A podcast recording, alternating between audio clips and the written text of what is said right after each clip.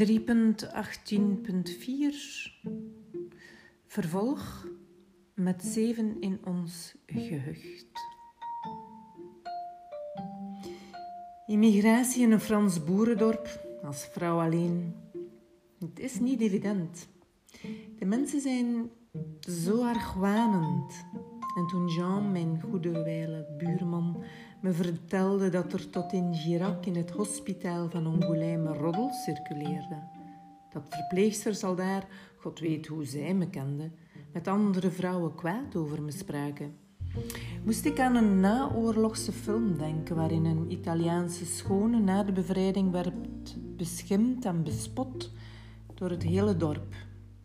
Buurvrouwen die ooit vriendinnen van haar waren, schopten haar, scheurde haar de kleren van het lijf en knipte haar haren kort. Ineens was alles anders. De Duitsers die haar van voedsel hadden voorzien waarmee ze kindermonden kon voeden en haar beschermden waren weg of dood.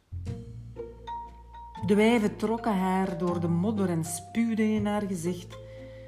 Als een schichtige rat wist ze niet waar kruipen. In haar zag je alles kantelen. In dat fragment zat een hele oorlog verwerkt. Haar lichaam incasseerde de geestdrift van de massa en de waarheid over mensen. Men zegt soms dat mocht de politiek door vrouwen worden beheerst, er geen oorlog meer zou zijn, maar dat durf ik niet te zeggen. Mijn ervaring met vrouwen is anders. Kort na mijn aankomst in het boerengat was ik op slag gekend tot in Angoulême. Tja, het komt erop aan dat je de sociale regels van de streek leert begrijpen en je daaraan houdt. Hier in de Charente wordt het niet gewaardeerd dat je zomaar ronduit voor je mening uitkomt. Je ongenoegen uiten over gevoelige kwesties, dat kan je niet maken. Ook betaamt het niet je te moeien met andersmans zaken, zoals geluid, ook al is het overlast. Nietzsche zijn citaat gaat hierop maar ook in andere samenlevingen, wordt een eerlijk mens vaak voor onnozel versleten. Ze schonken het geitje aan de burgemeester van het dichtbijzijnde gehucht dat aan de voet van het onze ligt. De eerste maanden na mijn aankomst kwam de gezagsdrager zijn kansen hier inschatten bij de nieuwelingen. Maar bracht een open gesprek dat ik met hem voerde hem geheel in de war. Ik kreeg kippenvel van die vent en lange tijd zelfs nachtmerries wat vreemd was, want we hadden niets samen. Met mijn openhartigheid schond ik meteen alle regels waaraan hij zich als charantenaar uh, vasthoudt. Maar over hem wordt er ook gepraat. Het verhaal doet de ronde dat hij de handen boven het hoofd hield van een paar mensen na een accident waarin een boer werd gedood.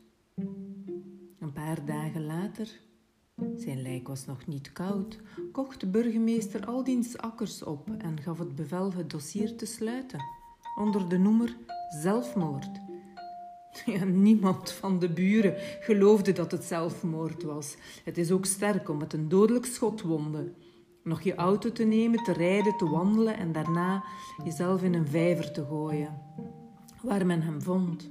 Je te laten afglijden naar de dood als je al half dood bent. En tijdens de autopsie trouwens werd er ook geen druppel water in zijn longen gevonden. Ja, de hele zaak bleef onopgehelderd. De neef van de burgemeester, die aanwezig was bij de ruzie en het gevecht tot de dood, verdween met thee Meteen, daarna, voor een paar jaar en niemand, niemand werd ondervraagd. Er was maar één held in het gehucht die zijn stem liet horen. Maar de burgemeester diende onmiddellijk klacht in om de opschriften die hij aanbracht en, het nacht, en de nachtelijke pamfletten die hij overal verspreidde. Dat gebeurde allemaal net voor ik het huis kocht. Jean, mijn buurman, sprak er met mij met geen woord over. Hij had het liever over seks. Jean had het altijd met iedereen over seks, tot alle opwinding eruit verdwenen was. Misschien was het de enige manier waarop hij nog seks beleefde. Maar nu hij dood is, mis ik ons gelul over seks. Tot de dag voor zijn dood zette hij nog een hoge borst op, toen ik met hem mijn ervaringen deelde. In die tijd deed ik elke dag een nummertje met een metser.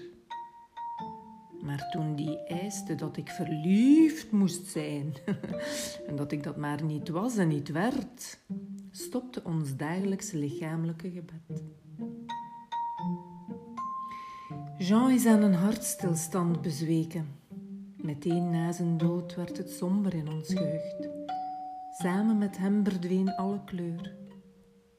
Gelukkig had ik toen nog de twee bourgeois, de buren uit Parijs, die elke dag op de koffie kwamen en van de chocola en de taartjes en de koekjes kwamen smullen. Maar van zodra hun dochter bij hen introk, namen we weer afstand.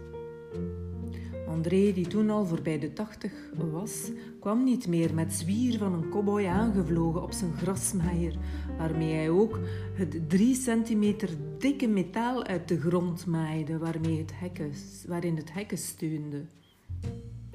Frans, zijn vrouw, juichte ook niet langer als ze me zag. Maar ik miste haar ziekelijke nieuwsgierigheid geen zins. Ze danste nog steeds op haar tippen langs de scheidingsmuur om alles te volgen wat ik deed. Toen haar dochter weer vertrok, hoorde ik Frans op een keer roepen: André! André! André! Ze had een hoge sopraanstem dat hoog boven het gezang van de vogels uitkwam. Ja, man, mijn rug was gebroken toen ik haar eindelijk recht had gezet op het gazon waar ze dronken en verloren lag te wachten op André. Maar André was een wassen pop geworden en lag meestal met zijn hoofd op zijn kin. Hij wachtte op niets anders meer dan op de dood. Elke dag ging ik kijken of alles nog goed liep, ook al liep het krom, of het nog leefde. In het begin wekte ik André uit zijn slaap en uit het beeld dat Jacques Brel schetst in het lied Les Vieux. Les vieux ne meurent pas, ils s'endorment un jour et dorment trop longtemps. Que l'envie apparaît, on vit tous en Provence quand on vit trop longtemps. Qui dit oui, qui dit non, qui dit je vous attends. Maar André werd er pissig van. Hij wilde niet meer worden gewekt, maar doorslapen naar de dood. En dus stoorde ik hem niet meer. Les vieux ne meurent pas, ils un jour et dorment trop longtemps. André stierf een paar maanden later toen ik ergens deed alsof ik Italiaans sprak. En een maand later stierf zijn vrouw Frans. Dat was niet moeilijk voor haar. In haar demente hoofd was zij al eerder vertrokken dan André. En misschien is een dood wel een collectieve dood. Maar of dat nu liefde is, voor mij leken ze op een weegschaal. Frans gooide zich als een kip in de schaal die altijd in de schaduw naar haar haantje lonkte. André moest de balans houden. Het leek meer op afhankelijkheid en aanhankelijkheid dan liefde. En ik voelde haar angst als André even te lang weg was. Zij kon zonder André niet verder. En dat had ze met haar dood bevestigd. Geleidelijk sloot ik mijn hekken, dat afhankelijk voor iedereen open stond, net als mijn hart. Langzaam sloot ik me voor de samenleving af, of sloot de samenleving zich af van mij, zoals bij de onverantwoordelijke gek van Nietzsche. Ik zette voor het eerst het slot om het poortje nadat Frans, de vrouw van André, ongegeneerd tijdens een migraineaanval binnenliep en door al de kamers van mijn huis naar me zocht. Elke dag moest ze me zien en horen. Ik, ik brak met mijn jonge energie haar verveling. En wat ik uh, die dag had gedaan, vulde haar met zuurstof. Ik was leven en ze zei dat ze me lief had. En terwijl ik met diarree op de pot zat en ze me bevond op het kleinste kamertje van het huis, bleef ze me maar uitvragen wat ik vandaag gekocht had in de stad. In de misselijkheid en de mist van die aanval besloot ik mijn hekken op slot te doen, zodat ik op mijn gemak kon ziek zijn en kakken. Daarna ook om de roddels te weren en daarna de onaangekondigde mannen. Ja, tot slot werd ik van de gendarmes verplicht om het hek op slot te houden voor de stalker, maar RG sprong erover. Ondertussen is de stalking gestopt en zijn de bourgeois dood. Soms komen hun nakomelingen in de klamme herinneringen logeren. De kleinzoon tokkelt op zijn gitaar en zingt klagerig als Bob Dylan liedjes die over het niet slagen in het leven gaan. De dode zielen op het kerkhof draaien zich misschien om in de stilte van hun graf, terwijl ik gedwongen luister naar de barstjes en de kwetsures in het stramme ritme van zijn ontevreden gitaar. Andere nakomelingen uit Parijs brengen hun allerkleinste mee. Van elkaar vervreemd krijsen de ouders en de kinderen naar elkaar in schrille toonhoogtes, de moeders meestal luider dan de kinderen. Misschien is het een vorm van elkaar zoeken. Aangezien de ouders het hele jaar door werken, kennen ze hun kinderen nauwelijks. De vakanties zijn weken van opvoeden met terugwerkende kracht. Met decibels wordt te kennen gegeven dat er aandacht is dat het gat en de leemte kan worden gevuld. Maar doorgaans is ons gehucht een plek van rust. Het lawaai of de drukte van de drie gezinnen is altijd tijdelijk. Meestal rijlt en zeilt door elk seizoen een wonderbaarlijke stilte. Tijdens de hete zomers wordt alles zo goddelijk lui. Rond drie uur in de namiddag valt alles en iedereen plat. Onze verbouwingsdrang verlamt, honden worden tam, vogels en planten futloos. Zelfs het geluid is dan te lui om geluid te maken. De meesten zoeken de koelte op die onder en door de dikke muren angstvallig wordt vastgehouden. In de herfst, reeds in november, brengt de houtkachel onze harten op temperatuur en ronkt gezelligheid binnen huiskamers. En in de winter is het zo kalm dat je zou denken dat iedereen vertrokken is. Vooral s'nachts is het muisstil. Enkel het ruisen van mijn hart is dan te horen in mijn linkeroor en het vreemde elektrische gezoem. Het oorsuizen is volgens mij een gevolg van de vele vliegtuigreizen. Tijdens mijn laatste vlucht na zeven maanden rondtrekken duizelde ik boven New York en zette een onmogelijke tand- en aangezichtspijn op. Kort daarna, telkens als ik op het toilet zat omdat het daar meestal stil is, hoorde ik mijn hartslag. In de jaren daarop volgden er meer geluiden. Eerst een elektrisch gezoem dat van overal leek te komen. Die eerste nachten liep ik alles af. Ik schakelde de radiatoren aan en uit, trok de hoofdschakelaar van de elektriciteit naar beneden en omhoog en dacht dat er misschien een beschadigde kabel bloot lag. Tot ik het doorhad dat die beschadigde kabel in mijn oren zat. Nu zoomde ik ook nog van binnen en hoorde de echo's van mijn hart. Tijdens de zomermaanden spuit ik met allerlei anti-mugproducten rondom me. Het is niet meteen duidelijk en echt moeilijk te onderscheiden of het nu het gezoem in mijn oor is, ook een geluid is in mijn hoofd, of dat het een mug is. Nooit zal ik nog die stilte ervaren als in de woestijn van Wadirum. En dat terwijl ik fonofobisch ook ligirofobisch in het Grieks ben. Helder en schel van geluid dat gerelateerd kan zijn aan hyperacusis en extreme gevoeligheid van harde geluiden. Het is een extraatje waarmee sommige migrainepatiënten te maken kunnen krijgen.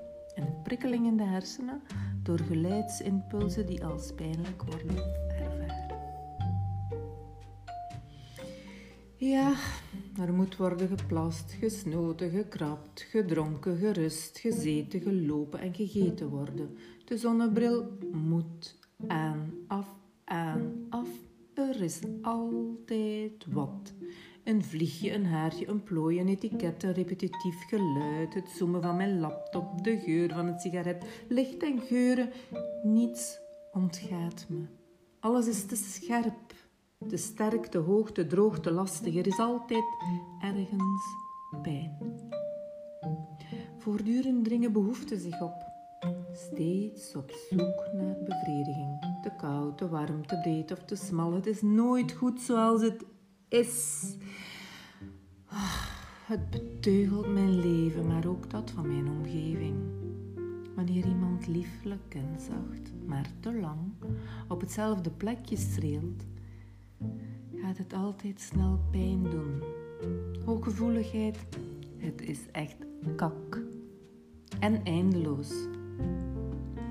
Voornamelijk de dagen voor een aanval.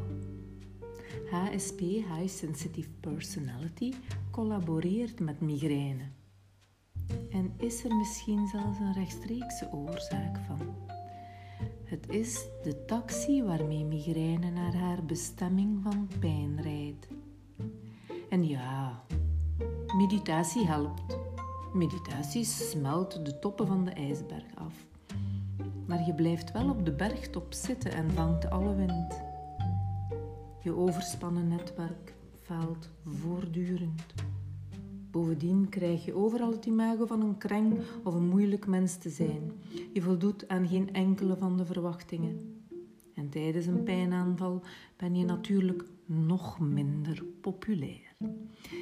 Dan wil ik met de hele verzameling van geaccumuleerde spanningen en prikkelbaarheid de grond in kruipen. Misschien zijn er chemische factoren die verduidelijken waarom alles met zulke heftigheid binnenkomt. Of misschien heeft mijn psychologische achtergrond er iets mee te maken. Nog niemand die weet hoe het hele mechanisme precies werkt. Ook rond migraine hangt een nevel van mysterie. En dat, dat is het treintje, het tuig waarmee charlatans hun theorieën laten bollen en rollen in een heleboel anekdotes in een volgende deel. Einde van deel 1. Einde van boek 1.